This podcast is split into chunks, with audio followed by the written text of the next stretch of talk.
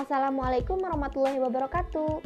Hai guys, perkenalkan saya Lala Novianti dari kelas A3 2018. Di sini saya ingin sedikit sharing mengenai market plan atau perencanaan pemasaran, market competition atau persaingan pasar dan juga database berdasarkan bisnis ibu saya. Seperti yang kita ketahui, bisnis itu menawarkan jasa atau barang yang dapat memberikan keuntungan. Nah, sebelum kita memulai bisnis, kita harus memiliki perencanaan pemasaran dengan mengetahui apa yang dibutuhkan masyarakat pada saat ini.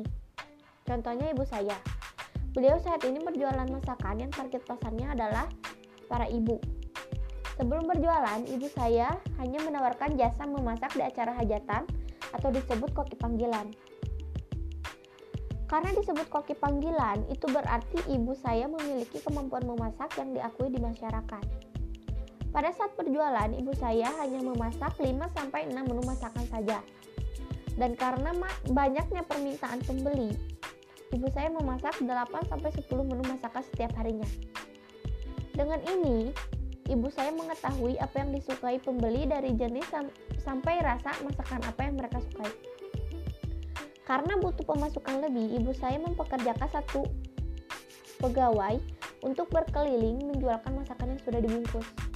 Karena hal tersebut, jadi lebih banyak orang yang mengetahui bahwa ibu saya berjualan masakan. Yang kedua yaitu mengenai market competition atau persaingan pasar. Tentu saja di daerah saya tidak hanya ibu saya yang berjualan masakan.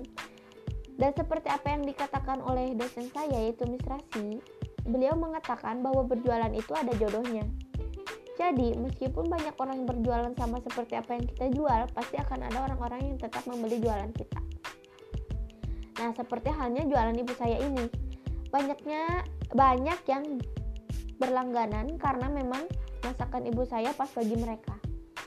Dan yang terakhir yaitu database.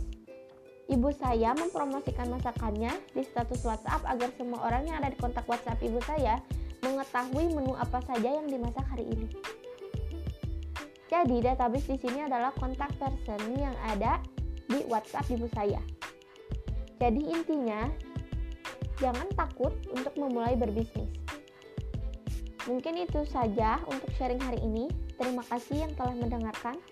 Wassalamualaikum warahmatullahi wabarakatuh.